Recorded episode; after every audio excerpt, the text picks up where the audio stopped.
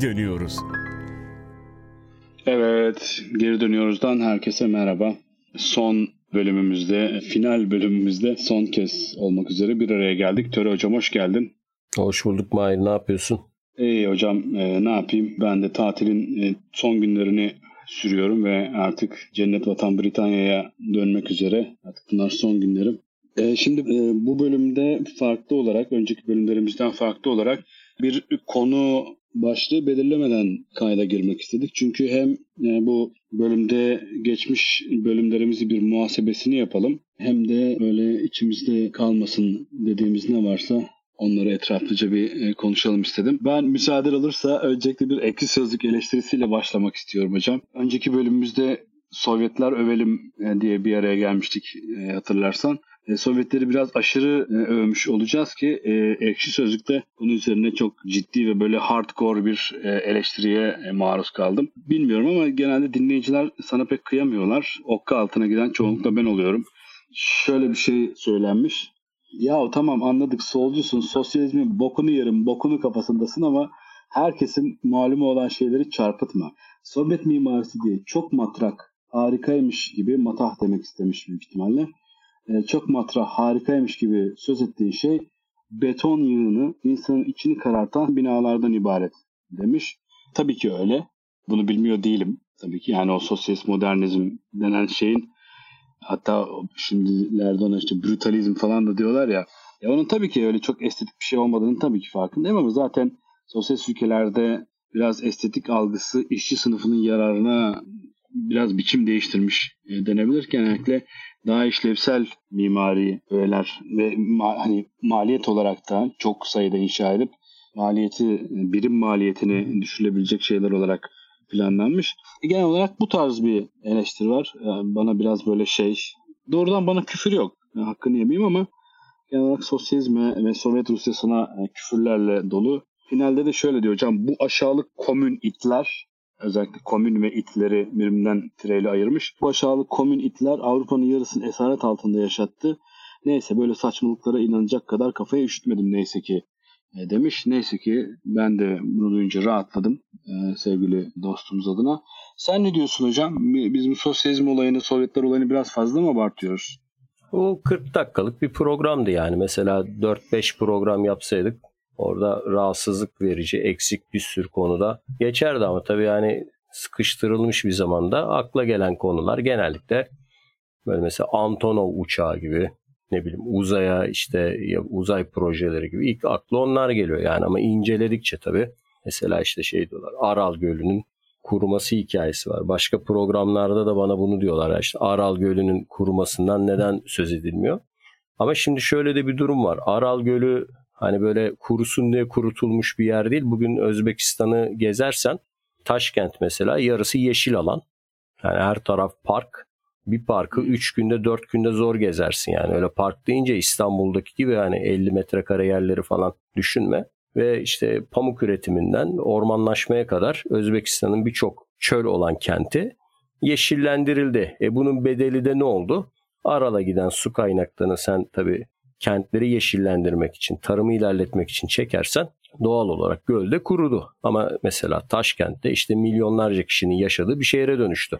Bu hani enerjinin sakınım yasası gibi bir şey. Hani kötü mimari yaptılar evet ama niye? 19. yüzyılda en büyük hayal neydi? İşçilerin az çok mutfağı olan, yemek pişirebilecekleri, başını sokabilecekleri evleri olması. Yani şimdi o arkadaşa tabii her şeyin kötü gelmesinin sebebi bizim bu çağda yaşıyor olmamız. 19. yüzyılda yaşayan bir insan olsaydı yani Sovyet dünyasını oluşturan kuşakların çağdaşı bir olsaydı o başarılardan dolayı o dönemlerde mesela 1930'larda gurur duyardı. Çünkü yani o dönemden bakıldığında büyük bir başarıydı. Herkes kafasını sokacak bir ev buluyor. Yani bugün Amerika'da bile işte bilmem kaç milyon evsiz var değil mi? Amerikalıların homeless dedikleri. Yani Sovyetler Birliği'nde herkesi ha 8-9 aileyi bir yere tıkıştırmış ortak mutfak. Şimdi bu tabii bize çok korkunç gelmiyor. Çünkü sen de memur işte çocuğusun ben de öyleyim. Yani biz küçükken böyle lojmanlarda senin baban işçiydi benimkiler benimki işte belediyede. Böyle evet, lojmanlar işçiydi. Ha tabii lojmanlarda falan biz çok tatil geçirdiğimiz için işte e, eskiden öyle tatil, şey falan yoktu biliyorsun hani pansiyonmuş bilmem özel ev falan yok tabii. Hep böyle birçok işçi ailesi, memur ailesi biz böyle kamu kamplarında. Tabii Kemal Türkler eğitim kampında, yok öğretmenler bilmem ne sendikası, belediye kampı. Hani ortak bir mutfak olurdu. 8-9 ailenin ortak paylaştığı büyük buzdolapları, ortak işte o ocaklar, fırınlar falan. Hani bu şeylerin filmleri gibi. Bizim bandırmalı yönetmen Tunç Başaran'ın var ya öyle böyle bir sürü Allah aile. rahmet eylesin hocam. Yani çok evet, evet rahmetli analım. bir adamdı. Evet hemşerimizi. Hani onun böyle o çocuk dünyasından yansıttığı ortak yaşam şeyleri gibi. E tabi o bize çok korkunç gelmiyor. Eğlenceliydi çünkü bizim için. Hani aynı yaşıtımız bir sürü çocukla hep beraber kadınlar akşam birlikte yemek yaparlar falan. E tabi bu kuşak için biraz daha kötü yani. Çünkü o zaman evler uyumak için gidip uyuyordun. Onun dışında ortak alanlarda yemek pişirme, sohbet falan onlar şeylerdeydi. E tabi bu kuşaklar için doğru söylüyor arkadaş. Yani o yani çok kötü bir mimari derken kastettiği kişiye, bireye, şahsa özel şimdi mesela her çocuğun özel odası var. Mesela yeni mimari konseptler, ebeveyn banyosu, Hı hı, yok hı. bilmem falan. Onlar o zamanlar tabii hayal mahsulü şeylerdi. O yüzden hani şey düşünmek lazım. 19. yüzyılda kafa yani başımızı sokacak bir yer bulduk. Allah razı olsun tarzı bir kafaydı ama 70'li yıllara gelince zaten onu konuşmuştuk yani o büyüsü kayboldu yani. Hani sen Lada arabalardan bahsettin ya. 1970'e kadar Lada ile BMW aynı arabayı üretmiş. Yani aynıymış kaliteleri. Ama sonra 70'lerden sonra hani Sovyet modeli sabit kalıp işte Batı modelleri böyle çeşitlilik, Estetik teknoloji. değişti. Tabii fark yani şey değişti mesela e, toplu müzik dinlemek yerine Walkman'de müzik dinlemek diye bir şey çıktı. Yani sosyalizm herkesin bir yere toplanıp orkestra karşısında hep birlikte müzik dinlediği, sinemaya gidilip hep birlikte film izlendiği dönemlere ait bir düşünceydi. Sinemaları hatırlarsın yani biz küçükken yazlık ya da kışlık sinemalar şimdi insanlar şaşırıyor. Ben hala sessizlikte film izliyor insanlar. Halbuki eskiden hatırlarsın yani 400 işte yeni yetme genç o Street Fighter filmine gitmişiz. Van Damme izliyoruz. Van Damme böyle bir yumruk vuruyor, duvarı yıkıyor. Bütün sinema alkışlarla işte ne o kötü Hocam, adam çıkıyordu. şey- Embizon herkes yuğuluyor. Sinema öyle bir şeydi yani. Şeyi hatırlatalım. Biz bir hafta üst üste birkaç kere Street Fighter filmini izlemiştik Bandırma'da Rüya Sineması'nda. Ee, sonra kardeşim çok ısrar etmişti. Bizim bu başlangıç müziğimizi yapan adam. Kardeşim ısrar etmişti. Ben de gitmek istiyorum Street Fighter diye. Ben onu götürdüğüm zaman sinemanın her yerine alkışlamak, yuhalamak ve tezahürat yapmak yasaktır diye kağıtlar asmışlardı. Ama nasıl alkışlamayacaksın canım? Van Damme bir vuruyor böyle duvar yıkılıyor falan. Şimdi orada hani şimdi evde eğlence diye bir şey var. Adam maçı bile hani maçlar bile evde tek başına izleniyor yani. Eskiden maç tek başına izlenir miydi? Hemen toplanacaksın bir işte Beşiktaş Derneği'ne gideceksin 50 kişi hep beraber. Hani o kamusal insanın dağılmasıyla da ilgili bir şey yani biraz. Evet evet doğru söylüyorsun. Doğru söylüyorsun. Hocam bir de e, tatlı bir e, yorumla moralleri düzeltelim o zaman. Bu bana değil bu geri dönüyoruz başlığına yazılan bir yorum. E, tekrar tekrar dinlemekten usanmadığım Sokrates grubunun en faydalı işi e, demiş. Burada mesaj Sokrates grubuna e, gitsin o zaman. Kimin aklına geldi bu ikiliyi nereden buldular anlamakta güçlük çekiyorum e, diyor. Yani şey gibi sen Hakikaten kimin aklına geldi bu ya? Bu senin aklına geldi değil mi? Senin bu benim, aklına gelmiş. aklıma, bu benim aklıma geldi hocam. Bu benim aklıma geldi. Şöyle anlatayım hikayeyi kısaca. Bu benim aklıma geldi. Önce sana söyledim. Sonra biz seninle bir bölüm kaydetmeye çalıştık e, Zoom üzerinden. Fakat biz tabii ikimiz de teknolojiden zerre kadar anlamayan boomerlar olduğumuz için ben sonra o kaydı dinlemeye kalktım. Benim Zoom'umdan kaydettiğimiz için e, senin sesin sanki banyodan telefonla bağlanıyormuşsun gibi geliyordu yayına. Sonra ben e, bir Türkiye'ye geldiğimde sevgili Can Öz'le öyle bir oturup muhabbet etmiştik. Ona bahsettim bu tatsız tecrübemizden. O da e, Sokrates'te biz yapalım abi dedi. Onun üzerine e, konu sevgili Caner'e e, sirayet etti falan filan derken e, Sokrates'te böyle bir şey denemeye karar verdik. Yani bir iki bölüm yapalım abi elimize mi yapışır derken 50. bölüme kadar geldik yani sonuç olarak. Diyor ki bitirmeyi planlıyor ama bence bir sezonu daha hak ediyoruz dinleyiciler olarak diyor. Ben de bu ülkenin insanların e, sahip olduklarından çok daha fazlasını hak ettiklerine inanıyorum ama bazen mukadderatın önüne geçilemiyor hocam. En sevdiğim özellikleri genel tarih konuları hakkında konuşurken bile verdikleri ara detay bilgiler e, ve konu seçimleri, seyyahlar, Osmanlı rakı kültürü, mesihler. E, burada tabii yani e, alkışları sana do- doğru yöneltmek isterim. Çünkü buradaki bu e, ara detay bilgilerin de, konu seçimlerinin de, o bölümün konusu olan bilgilerin de asıl e, ustası, asıl e, alimi sensin. Sen olmasaydın ben bu podcast'i herhangi başka bir arkadaşımla yapıyor olsaydım muhtemelen sıkıntıdan komaya girerlerdi. Üstelik yani bu kadar da ilgi çekici bir şey ortaya çıkmazdı. Sen yüzün burada diye demiyorum hocam. Sen bence çok önemli bir insansın. Yani şey açısından benim benim için zaten çok önemlisin yani hani bir çocukluk arkadaşım olmana sebebiyle benim için çok önemli bir insansın zaten ama bence bu ülkenin kültürü, kültür tarihi, tarihi açısından da çok önemli bir insansın. Çok kilit bir adamsın. İnşallah e, ömrümüz vefa eder de e, sen daha çok kitaplar yazar, çok programlar kaydedersin. Biz de bütün kitaplarını okuruz, bütün programlarını dinleriz. Senin e, abonen olmaya devam ederiz. E, sonra efendim diyor ki eleştiri, tarihe ilgisi olan bir insanın bile böyle spesifik konulara bakması aklına gelmez. E, yani bunu biz seninle bazen konuşuyoruz. Tarih bilenler genelde tek bir konu e, üzerine uzmanlaşıyorlar ve Evet. 17. yüzyıl Safevi Osmanlı ticari ilişkileri mesela. Ama mesela onun dışında mesela Kurtuluş Savaşı hakkında hiçbir şey bilmiyor falan gibi. E, bu konuda da sen gerçek bir eski zaman alimisin. Çünkü e, akademisyenle alim arasında bence bu türden teknik bir fark var. E, akademisyen tanımı gereği biraz daha e, spesifik, biraz daha daraltılmış bir bilgi alanına e, hükmediyor. Ama alimler işte kim var zamanımızın alimlerinden işte ne bileyim belki İlber Ortaylı'yı bir hani alim diye saymamak ayıp olur. İşte ne bileyim Celal Şengör'ü belki e, alim diye saymamak e, ayıp olur. Sen de bence e, böyle bir adamsın, bir alimsin. Hocam yorum şöyle tatlı. 20-30 yıl var ya ona da. İlber İlber Ortaylı şeyine daha bir hani 20 yıl eklemen lazım ya da. E, bu tatlı yorum şöyle bitiyor. Bu ikili bana hiç yemediğim, malzemelerini bile tahmin edemeyeceğim, görünce belki burun kıvıracağım bir yemeği afiyetle yediriyorlar e, demiş.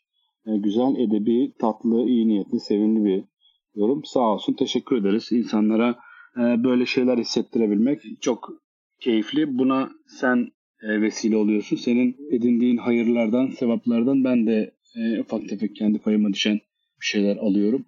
Hocam, peki bundan sonra ne olacak? Bundan sonra ne yapacağız? Hayatımıza nasıl, nasıl devam edeceğiz? Biraz da onu anlat. Vallahi ben başka podcast yapmam yani. Yaparsam gene ikimiz yaparız. Çünkü ben podcast diye bir şey olduğunu bilmiyordum biliyorsun. Yani sen bana podcast yapacağız dediğinde yani o da neymiş diye ilk defa kelime olarak da duydum. Yani o e, bu ortamlar güzelmiş hadi başka podcastler yapalım falan. Yani bu bizim ikimizin arasında olacak bir şey ya. Bu çok zor. Çünkü ben Ben de yapmam hocam. ya Ben iki şey tarihçi mesela e, böyle şey spesifik podcastlerde falan bu tür toplantılarda ya da programlarda ya ben onlara da karşı değilim. Yani alan uzmanlaşması neticede olacak kaçınılmaz bir şey. Ama hani o bizim ruhumuza uymuyor yani. Bunu bir eleştiri olarak söylemiyoruz. Yani e, neticede benim de sınıf arkadaşlarım var işte ara sıra sana bahsediyorum. 40 senedir Urartu çalışıyorlar. Urartu'da işte şu seramiği, Urartu'da bu seramiği, şu Ayanis Kalesi'nde işte ele geçen bilmem ne şeyleri, küpleri. Yani işte bu da bir tercih neticede ama bunlar da gerekli ama bu biraz da ruh haliyle ilgili bir şey. Yani bizdeki kafa hani bunu olumsuz anlamda söylemiyorum, olumlu anlamda söylüyorum. Bu eski oryantalistler gibi yani işte bu Bartoltlar gibi, Burak Elmanlar gibi, Goldhizerler gibi falan. Yani biraz dil olsun içinde, biraz arkeoloji olsun, biraz e, günümüze yansıması olsun, biraz etnoloji olsun. Hani hepsini böyle bir arada acaba değerlendirebilir miyiz, anlamayı başarabilir miyiz gibi bir bakış açısı. O yüzden hani ben de dinlediğim zaman bana da bu tür şeyler keyifli geliyor başkalarından dinlediğimde. E, birbirine bağlanması konuların. O yüzden yapımız bu. Hani bundan sonra yazacağımız, çizeceğimiz işlerde de gene bunları yapacağız. Ama hani bu tür bir konsept oluşturabilir miyiz? Belki bilmiyorum ama yani seninle tekrar ileride yaparım ama bu kolay bir şey değil yani. Bu bu e, herkese olacak bir olay değil. Buna aynen katılıyorum. Öte yandan biz aslında e, konuşmak istediğimiz konuların, kaydetmek istediğimiz bölümlerin e, büyük bir çoğunluğunu aslında hayata geçiremedik de. Yani örneğin klasik müzik konuşmak istedik, klasik Türk müziği konuşmak istedik, işte ne bileyim sinema konuşmak istedik. bu çizgi romanlar, efendime söyleyeyim grafik romanlar, karikatürler üzerine daha ayrıntılı, daha spesifik şeyler e, konuşmak istedik. Ne bileyim daha e, genel kültüre dair şeyler konuşmak istedik. Bunlar yetişmedi. Çünkü hem konuşmak istediğimiz çok şey vardı hem de aslına bakarsan biz daha önce de defalarca söylediğimiz gibi bir bölümün konusuna o bölüme girmeden 2-3 dakika önce karar verdiğimiz için yani böyle bir şey falan bize çok ters yani böyle 50 bölümlük konu başlığı listesi e, yapıp ona riayet ederek tüm bölümleri kaydetmek falan bize biraz tersti. Hatta hatırlarsan ilk başladığımızda ben 10 bölümlük bir liste yapmıştım. E, buna göre e, ilerleriz diye. O, o listeden herhalde 3 tanesini falan kaydettik sadece. Fransız devrimi konuşmak istedik mesela. Devrimler tarihi konuşmak istedik. Ne bileyim seni çok ısrarla istediğin mesela Emeviler Emeviler konusu vardı. Ya çünkü e, buradan şey dinleyenlere e, söylüyor olayım. Ben ne zaman töreye ne konuşalım bu hafta desem töre hep şey diyor. Ya bir Emeviler mi konuşsak falan. Bu yaklaşık 20 kere falan yaşandı aramızda yani böyle. O zaman bu hafta ne konuşalım falan. Ya bir Emeviler konuşacaktık ama falan sürekli böyle bir Emeviler konusu var aramızda. Baksana ne diyeceğim sana. Şimdi Türk müziği dedin de ne zamandır soracağım bir soru var. Hazır bu fırsat bulmuşken sana sorayım. Şimdi Türk müziğinin son büyük temsilcisi, makam müziğinden bahsediyorum. Sence kim? Ben bir liste oluşturdum. Bonus 6 kişi. Aa, yani 5'e düşürecektim ama o şey ÖSYM tarzı 5'e düşüremedim. Tek tek düşüncelerini de sormak istiyorum. Listenin başında Mesut Cemil var. Bir. Aklına evet. tutabilecek mi? Mesut Cemil, Refik Fersan, Münir Nurettin, Avni Anıl, Reşat Aysu ve Çiniçen Tanrı korur. E, hocam en son derken kronolojik bir şey de kastediyorsun değil mi? Biraz kronolojik yani az çok. Yani Çiniçen Tanrı korurla bitirmemin sebebi oydu. Yani bu aralarda bir yerde bitti ama Çiniçen Tanrı korur Evet hocam Çiniçen Hoca sondur bence. Yani aslına bakarsan bence o yani senin klasik müzik klasik Türk müziği derken kastettiğin şeyi ben çok iyi anlıyorum. Klasik Türk müziği derken kastettiğin şeyi düşünerek cevaplayacak olursam bence bunun tarihteki son temsilcisi Tamburi Cemil Bey'dir. Evet o listede yani, yoktu. Oğlu Mesut Cemil vardı ama anla, evet, oğlu, anladım. Oğlu, o, oğlu Mesut Cemil var ama anladım e, demek istedim. Orada bir batılılaşma emaresi yine var yani o kuşakta o Reşat Aysu Hiç yok değil evet. Var. Ya yani, dedede bile var batı etkisi de. Hayır yani o kastettiğimi anlıyorsun yani o batılılaşma etkisi batı etkisi de değil yani batılılaşma etkisi diye daha başka bir şeyi kastederek söylüyorum. Şey üzerine konuşmuştuk seninle e, Reşat Aysu'nun Kürdülü İcazkar Endülüs'te besteledi, İspanya'da ha, besteledi en, bir saz semaisi yani, vardı. O aslına bakarsan klasik Türk müziği kapsamına senin tanımındaki klasik Türk müziğinin kastederek söylüyorum.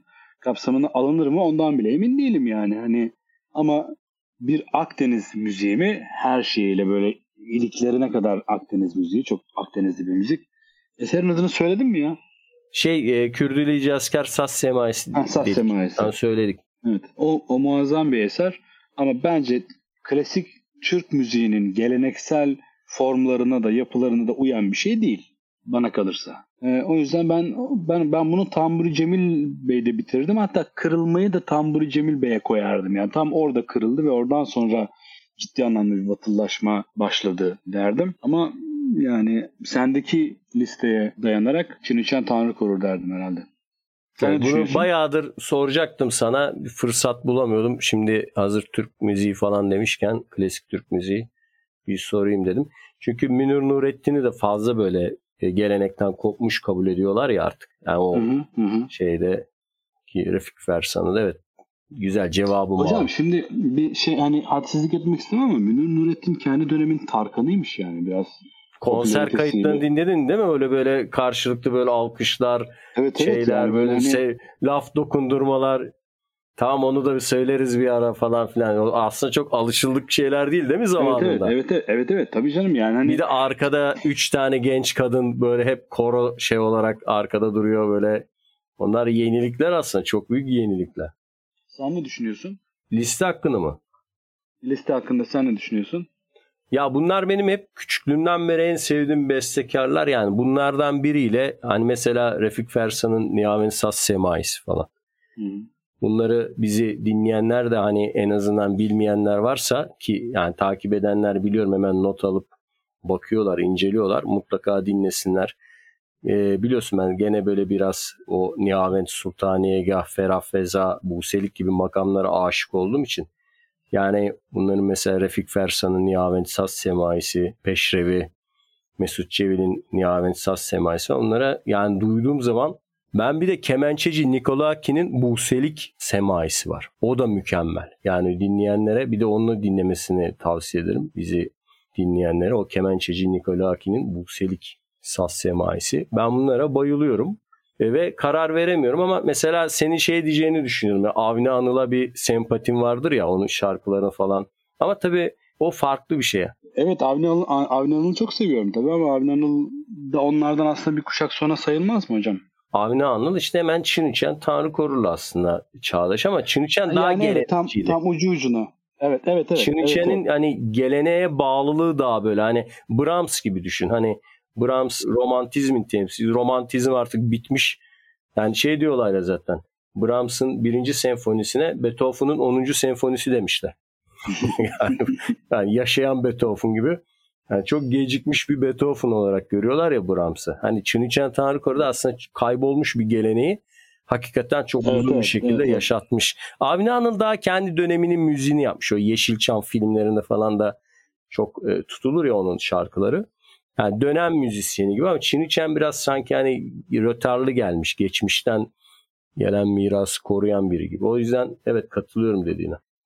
Hocam hazır e, laf e, müziğe gelmişken yani klasik Türk müziğinden bahsetmeyi her zaman seviyoruz tabii de e, klasik Batı müziğinden bahsedemedik diye de çok içimizde kaldı.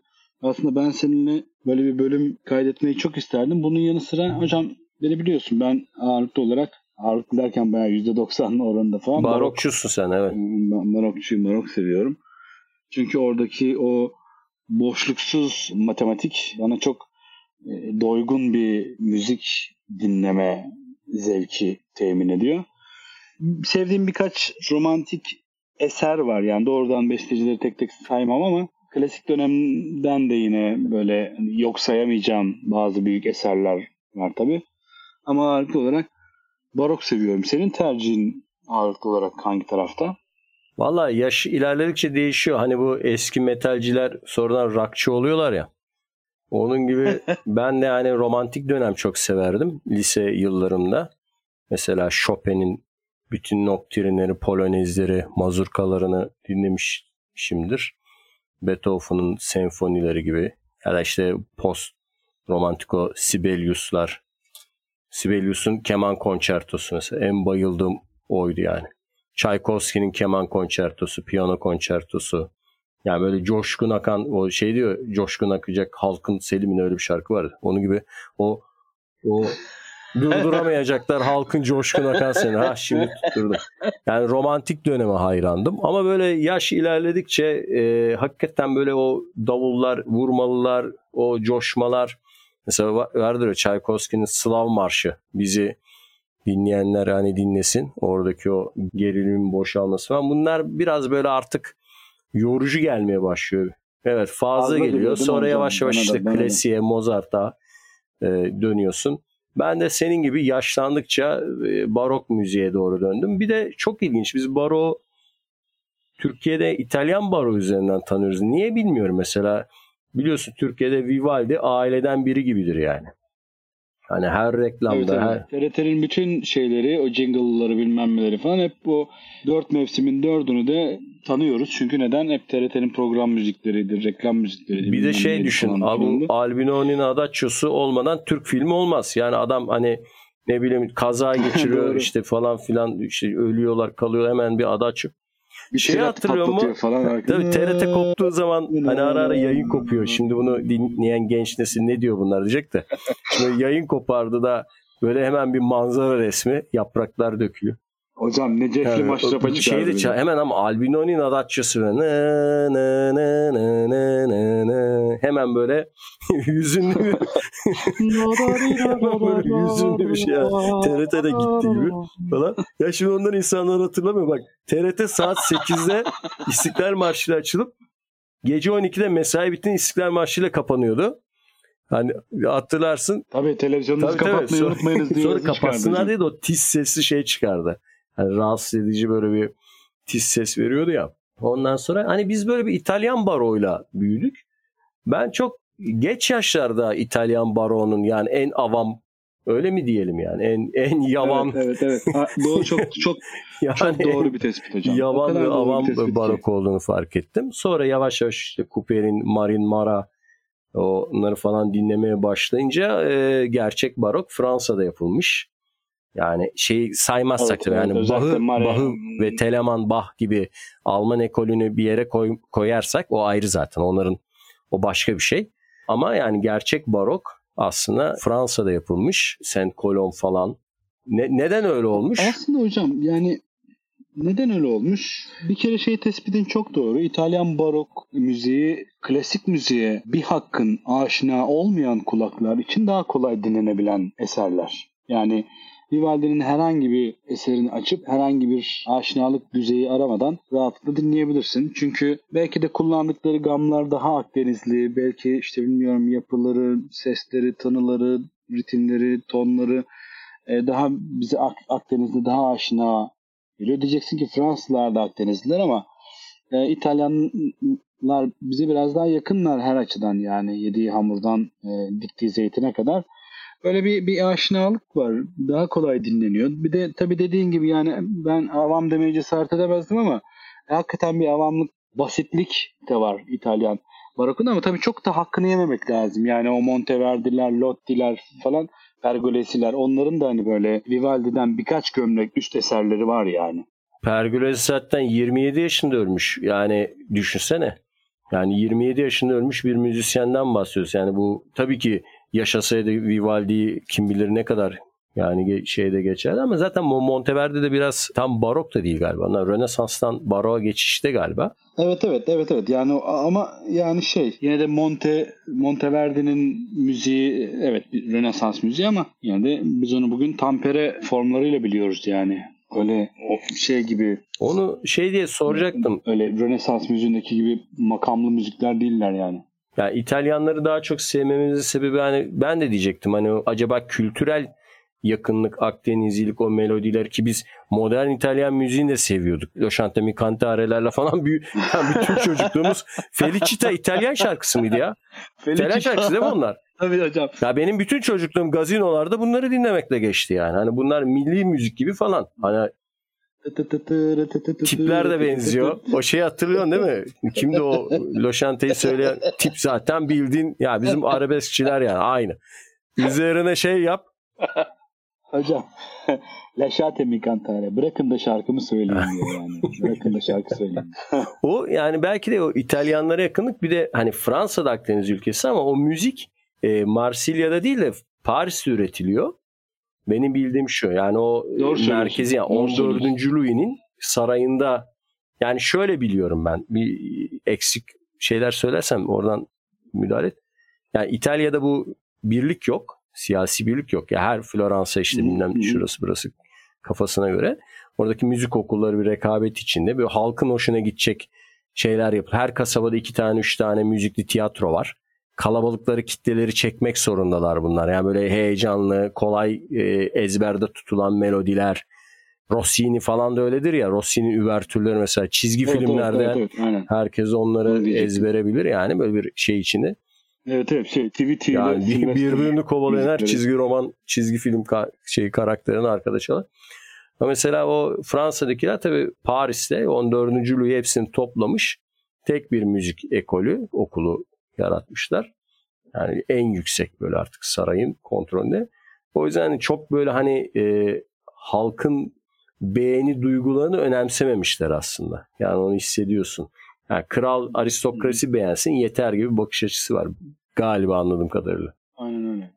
Bir de e tabi bu kadar şey yerden yere vurduk gibi de olmasın da yani Vivaldi'nin de yine de her şeye rağmen şeyi var yani böyle aman efendim böyle de eser yazılır mı denebilecek şeyleri eserleri de var yani mesela Vivaldi'nin Stabat Mater dini eserleri hepsinin çok güçlü. Bence olağanüstüdür yani.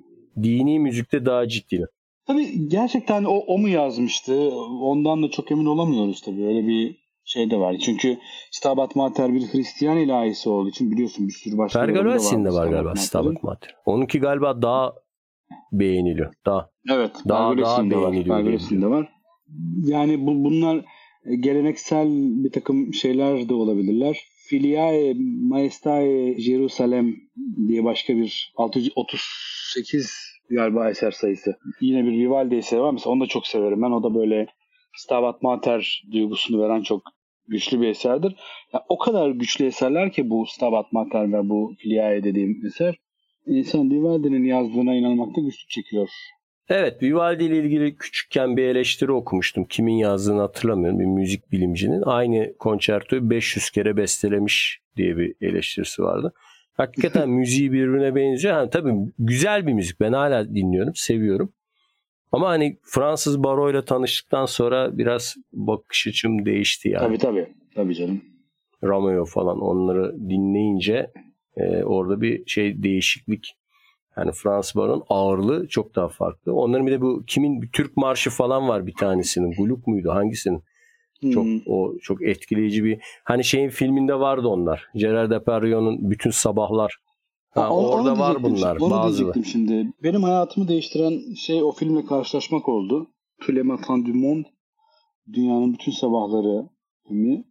Orada Gerard Depardieu e, Marem Gençliğini oynuyor değil mi? O eğitim alıyor. Sonra yetişiyor. Öyle değil.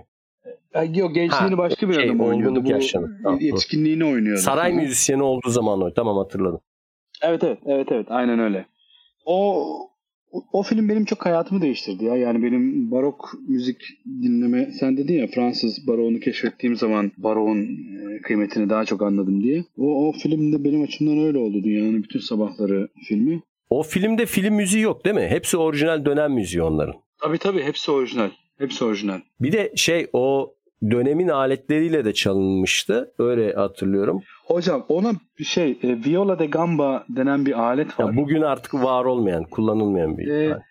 Bugün aslında yani şey büyük orkestralarda yok bildiğim kadarıyla ama hala çalan çok işte böyle büyük böyle usta virtüöz isimler falan filan var. Yo bu Hordi Saval mı okunuyor adı ee, mesela? Hocam ben onun isminden biraz emin olamıyorum. Yani Jordi mi okunuyor, Hordi, Hordi mi okunuyor çok emin olamıyorum. Çünkü bildiğim kadarıyla Katalan Hani İspanyol olsa Hordi diyeceğiz ama Katalansa evet, Jordi. E, e, emin olamıyorum.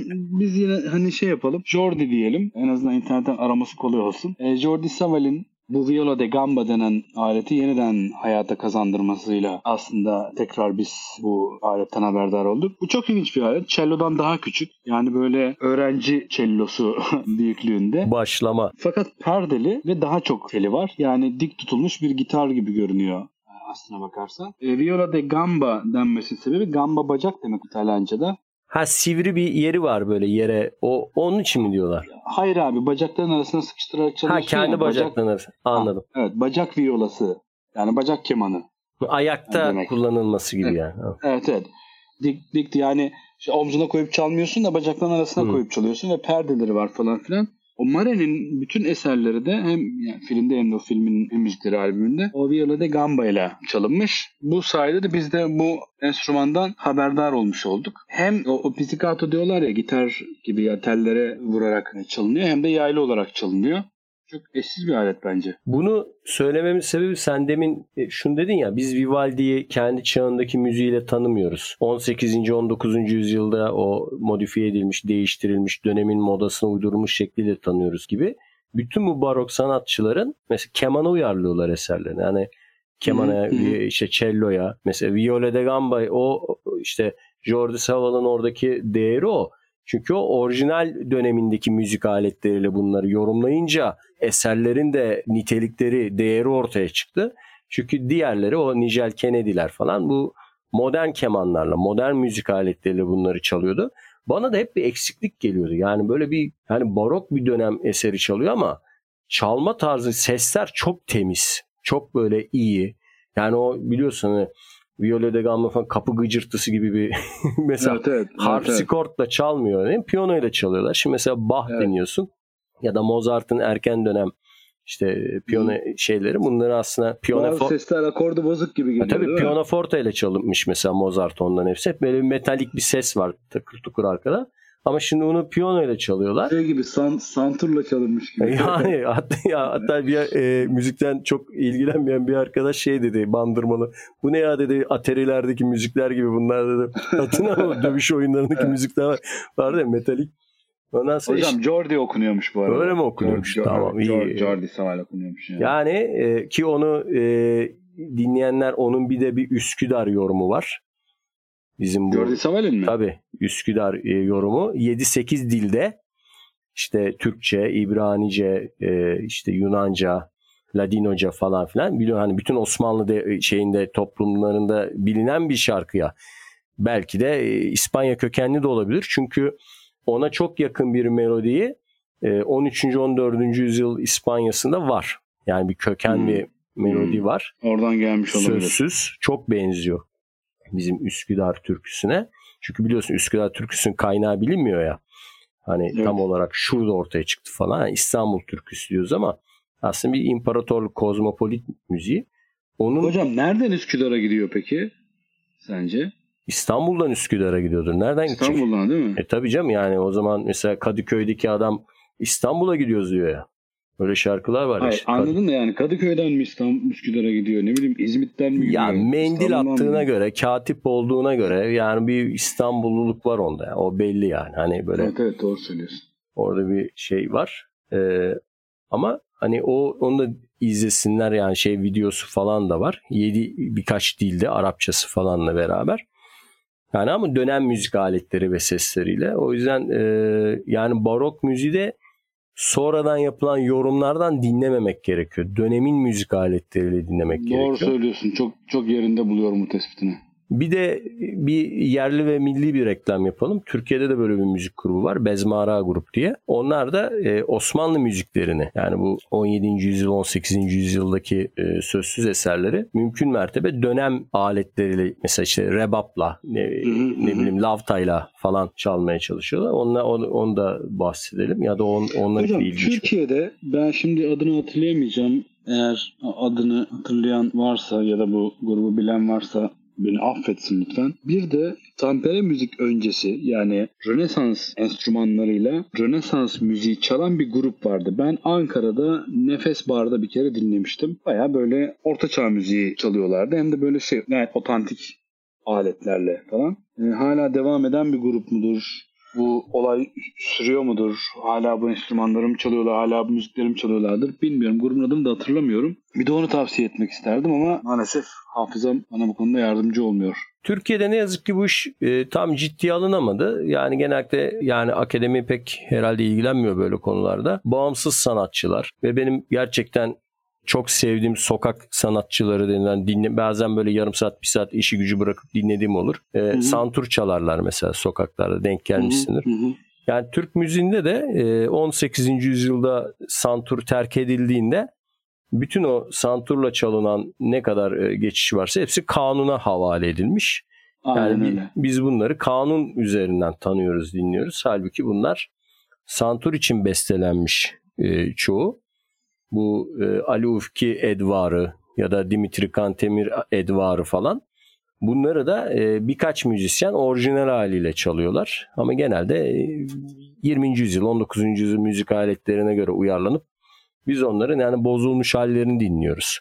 Ama orijinallerine çok ulaşamıyoruz her zaman. Aslında yani bunu hatırlarsan Tamburi Cemil Bey'den bahsederken de programda mı bahsetmiştik yoksa seninle öyle sohbet ederken mi çok emin olamadım şimdi ama o zaman da konuşmuştuk.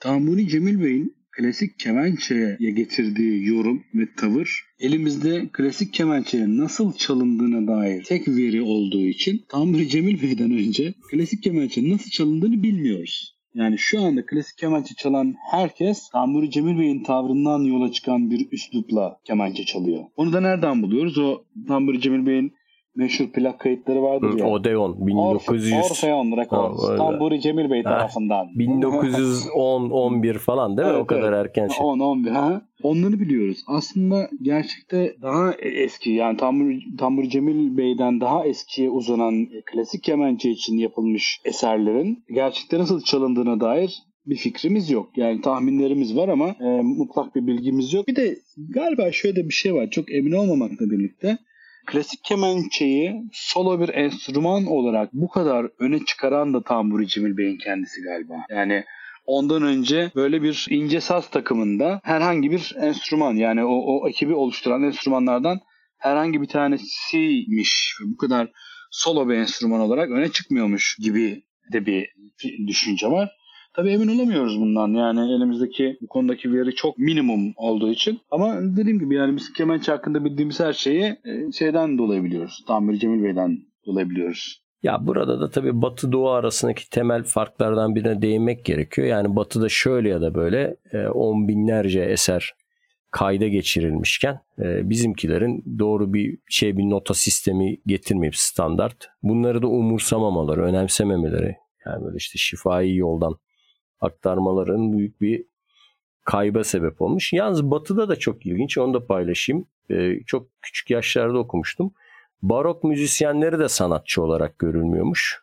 Hı hı. Yani onlar da işte böyle e, ne bileyim düğünlerde, e, işte bayramlarda, dini törenlerde hani o gün o besteliyor atıyor, besteliyor atıyor.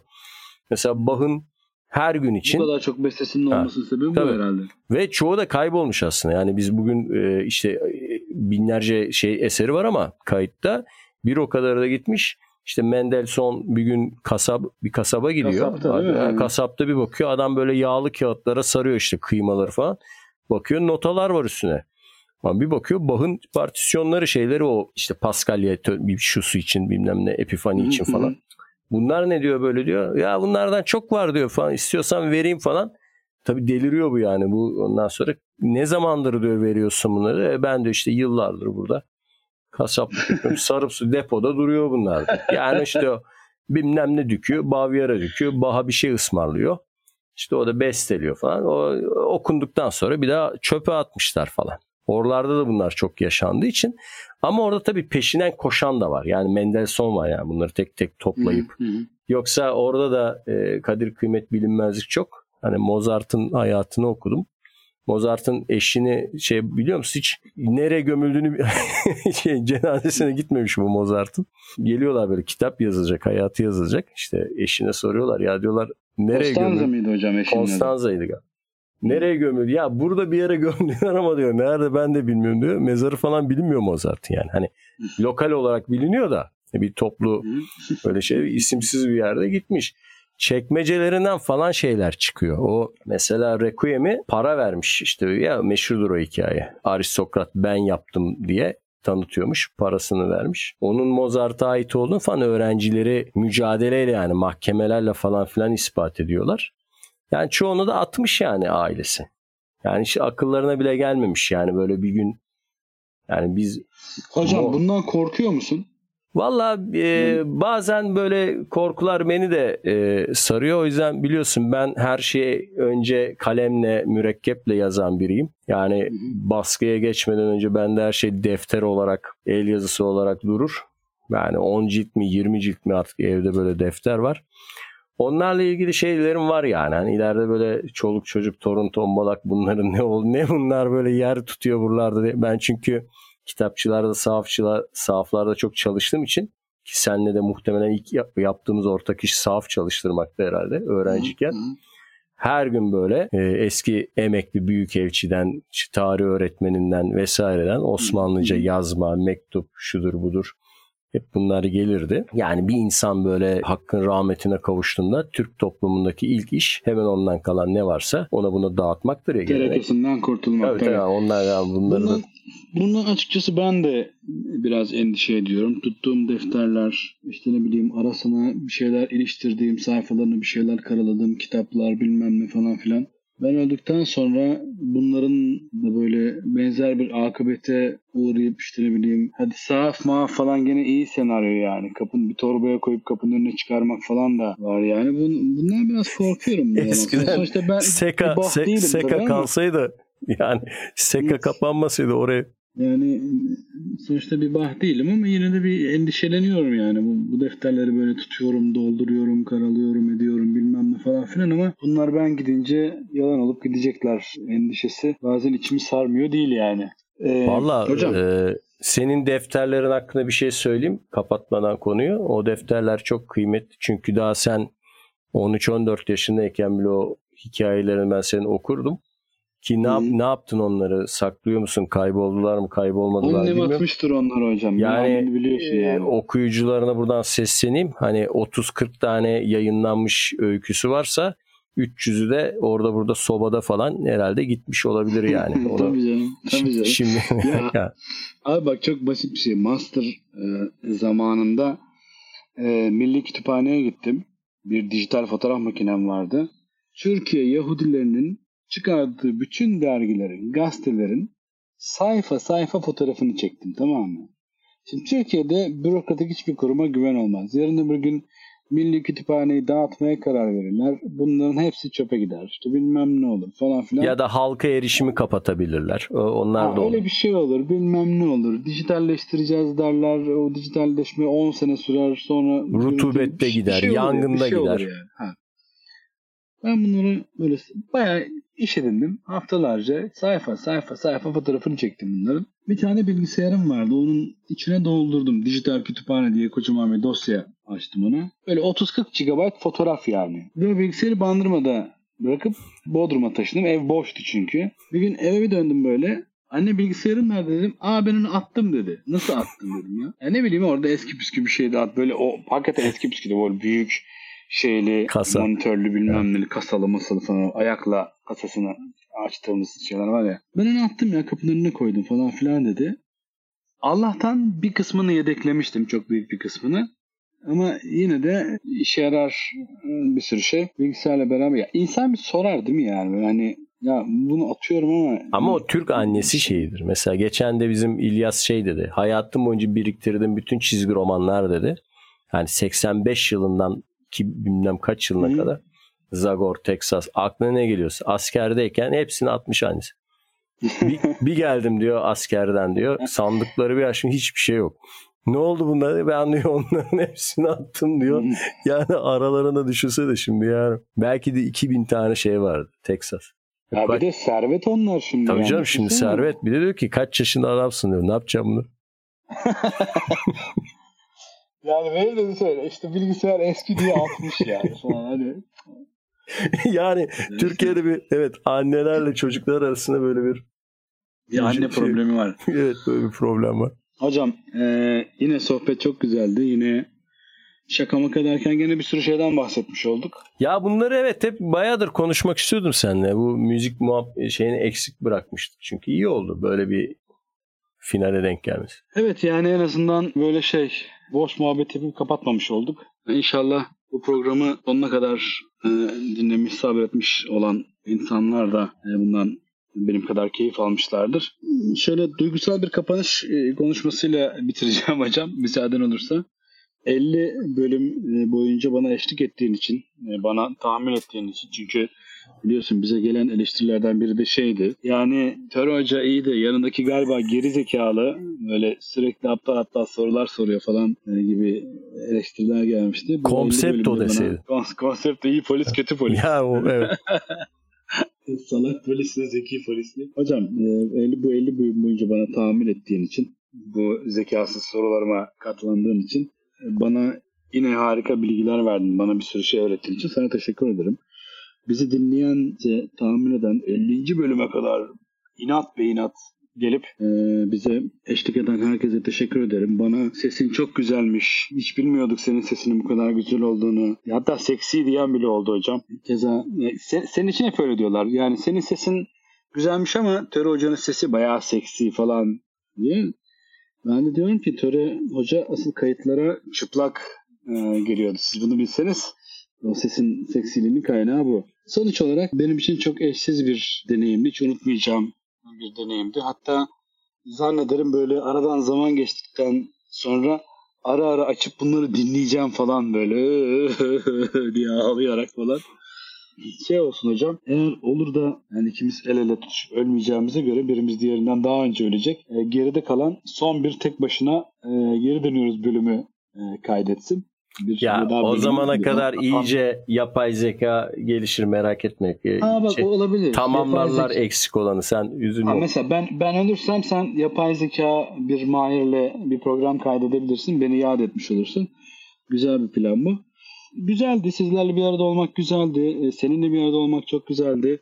Değişik bir deneyimdi. Can Öz'e teşekkür edelim en başta. Sevgili Can Öze'ne teşekkür edelim sevgili e, kahır arkadaşımız e, Sencere Sencerci'ye teşekkür edelim. E, bize bu konuda yol gösteren ama iyi ama kötü kıymetli eleştirilerini bizimle paylaşan herkese teşekkür edelim. Senin e, söyleyeceklerini de alalım ve sonra artık Red Kit gibi batan güne doğru e, uzaklaşalım hocam. Yani biz e, faydalı olmanın öğretildiği bir kuşağın çocuklarıyız. Yani şöyle anlatayım yeni genç nesil için eski Türkiye'yi. Yani ben hala yolda yürürken bir çivi gördüm mü ya birinin bu şimdi arabasının lastiğine batar diye alıp hani çöpe atarım kenara bir cam şişe buldum mu mesela kesmesin kimsenin çocuğunun elini ya da işte o şey o e, zihniyetle büyütüldük, o kültürle büyütüldük. Ne yazık ki bu artık e, bu böyle devam ediyor diyemeyeceğim yani e, bu ülkede. O yüzden hani yaptığımız işlerde kendimizi eğlenmek kadar, eğlenmemiz kadar hani öğretici olmayı, didaktik olmayı, bunu bir arada götürmeyi, birlikte hareket etmeyi e, bize öğrettiler. O gelenekten geliyoruz. Yani o da içimize sinmiş. Hani Gırgır dergisine şey derdi ya, güldürürken öğreten, öğreten, düşündüren, düşündürürken güldüren vesaire gibi. Yani böyle bir e, konsept yapmaya çalıştık. Böyle bir çizgide tutmaya çalıştık. Herhalde kendi içinde başarılı olmuştur diye düşünüyorum. Yani gelen beğenilerden devam etmesini isteyen insanların yorumlarına baktığımızda yani istediğimiz şey, başarıyı bu anlamda çizgiyi tutturduk diye düşünüyorum. İyi oldu. Kendimiz de eğlendik, öğrendik birbirimizden. insanlar, bizi takip edenler ben, ben çok eğlendim hocam. Özellikle de senin coğrafi keşifler bölümünde. Karaya çıktıkları yerde, karaya çıktıkları yerde ilk yerlere don giydirmek oluyordu. ya hani böyle bir film yaparsın, bir sürü mesaj verirsin. Hiçbirini şimdi sabah bir filmi hatırlamaya çalışıyoruz Nail'e Bruce Willis'in filmi. Bir türlü hatırlıyor. Ya şey dedim ya hani dedim geliyordu böyle dedim banyoya giriyor dedim klozetin kalktığını dedim kaldırıldığını görüyor falan. Ha hemen oradan bildi falan. Ya bütün filmi unutmuşuz. o sahne ve internete yazınca o film öyle çıkıyor. Bruce Willis'in klozetten evde birinin olduğunu anladığı film falan gibi. Şey bile var. Ekşi Sözlük'te bile şey yazmışlar yani. Bunun gibi yani bu kadar mesaj verirsin, anlatırsın bir şeyler ortaya bir tane böyle hakikaten vurucu, akılda kalıcı bir simgeyle iş özetlenir. O zaman hocam güneş batınca ardında tepelerin veda vakti geldi teletabilerin e, diyerek uzaklaşalım. Herkese teşekkür ederiz. Artık bir sonraki bölümde görüşürüz e, demiyorum. Kendinize iyi bakın. Sağlıkla kalın. Sevgiyle, mutlulukla kalın. Öyle her şeyi kafaya çok takmamaya çalışın. Hoşçakalın. Ve son defa müziğimizi alalım. Hoşçakalın.